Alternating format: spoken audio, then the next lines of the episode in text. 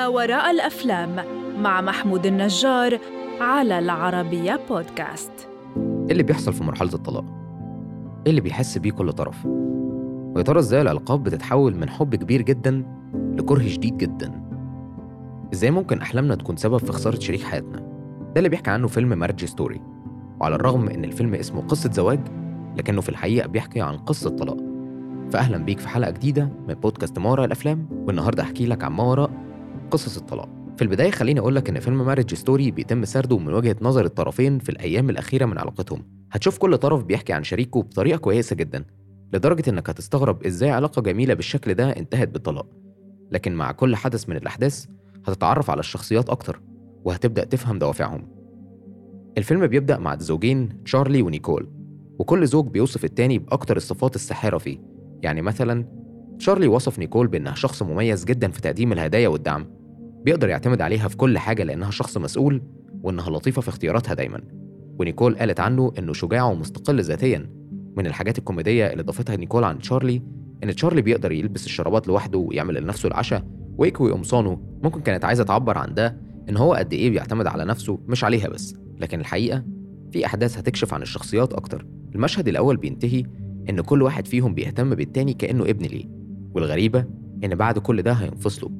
لكن ما تزعلش كمشاهد لأن هم بيحبوا بعض جدا لكن ما ينفعش يكملوا مع بعض. عايز أقولك على حاجة مهمة جدا.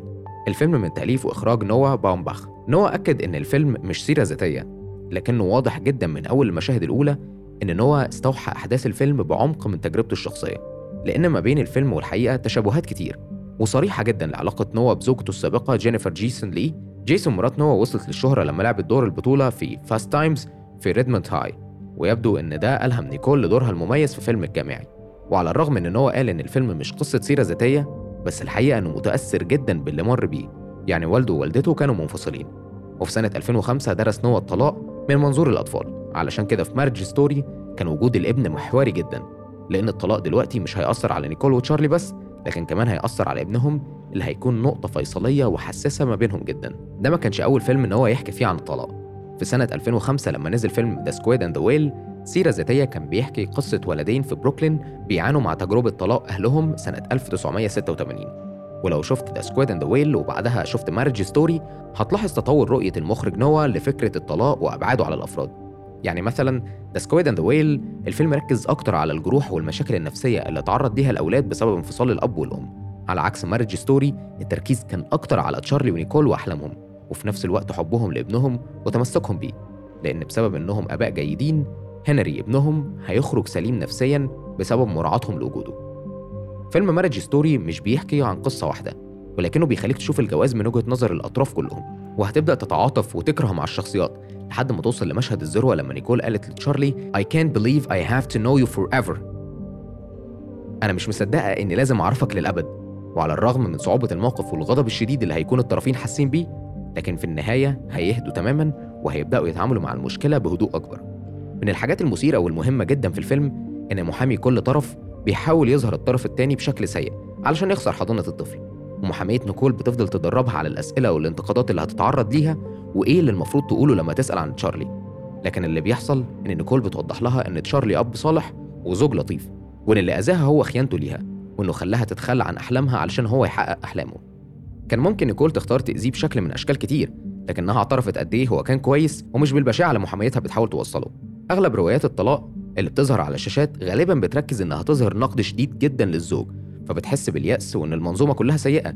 لكن من أكتر المشاهد اللطيفة والمؤثرة لما تشارلي بيقرأ اللي نيكول كتبته And I will never stop loving him even though it does not make sense anymore. لكن الفيلم هنا عكس إنهم على الرغم من انفصالهم فعليا فقد إيه بينهم مشاعر لسه مستمرة مش قادرين يتخلصوا منها؟ ولا يعترفوا بنهايتها. لكن ممكن تكون بتسأل إيه اللي وصلهم للنقطة دي؟ وإزاي بيحبوا بعض بالشكل ده وفي النهاية ينفصلوا؟ ردي في كلمة واحدة الأحلام.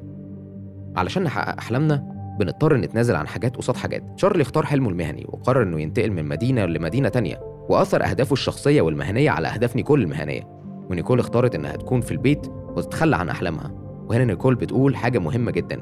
He truly did not see me. He did not see me as a something separate from himself. هو ما كانش شايفني فعلا. كان شايف إن كل حاجة لازم تمشي وفقا لأحلامه هو. علشان كده لما كانوا ماشيين في إجراءات الطلاق هتشوف انطلاقه نيكول لحياتها المهنية وإنها هترجع تشارك في أدوار البطولة تاني وتظهر علشان توصل لأحلامها. وعلى الرغم إن الفيلم إدى مساحة لنيكول علشان تعبر عن إنها اتظلمت وكان متأثر عليها بشكل أو بآخر لكن كمان الفيلم هيظهر بشكل واضح جدا إزاي إن الطلاق حطم تشارلي ودمره وده بسبب مخاوفه الشديدة علشان ممكن يبعد عن ابنه. وإن تم إجباره إنه يتخلى عن وقته في نيويورك علشان يفضل في لوس أنجلس. الحقيقة الفيلم مفيش فيه طرف شرير لا الزوج ولا الزوجة. الشرير الوحيد في الفيلم هو النظام البيروقراطي نفسه وإن كل محامي بيحاول يخرج أسوأ حاجة في الطرف التاني لكن الطرفين نفسهم واعيين باللي بيحصل ومحدش فيهم عايز يأذي التاني. كل اللي عايزينه إنهم ينفصلوا وكل واحد ياخد حقوقه. أغلب المشاهدين قالوا إن الفيلم انحاز في النهاية لتشارلي بس في الحقيقة إن ده مش اللي حصل لأن الفيلم ببساطة ظهر شعورهم تجاه بعض. يعني الرسالة النهائية للفيلم إن في حالات انهيار العلاقات مفيش حد غلط ولكن برضه ده مش هيصلح حاجة. فيلم Marriage Story من الأفلام اللي مهما يتحكي عنها لازم تشوفه أكتر من مرة لأن كل مرة هتنبهر بيه أكتر. الفيلم كان بطولة سكارليت جوهانسون في دور نيكول باربر زوجة تشارلي. آدم درايفر في دور تشارلي باربر زوج نيكول. وحصل الفيلم على ست ترشيحات رئيسية في حفل توزيع جوائز الجولدن جلوب السابع والسبعين بالإضافة لخمس ترشيحات في حفل جوائز توزيع الأكاديمية البريطانية الثالث والسبعين. شوف الفيلم دلوقتي وشاركني شفته من أي منظور واستناني الحلقة اللي جاية. أنا محمود النجار في حلقة جديدة بفيلم جديد في بودكاست ما وراء الأفلام المقدم من العربية بودكاست.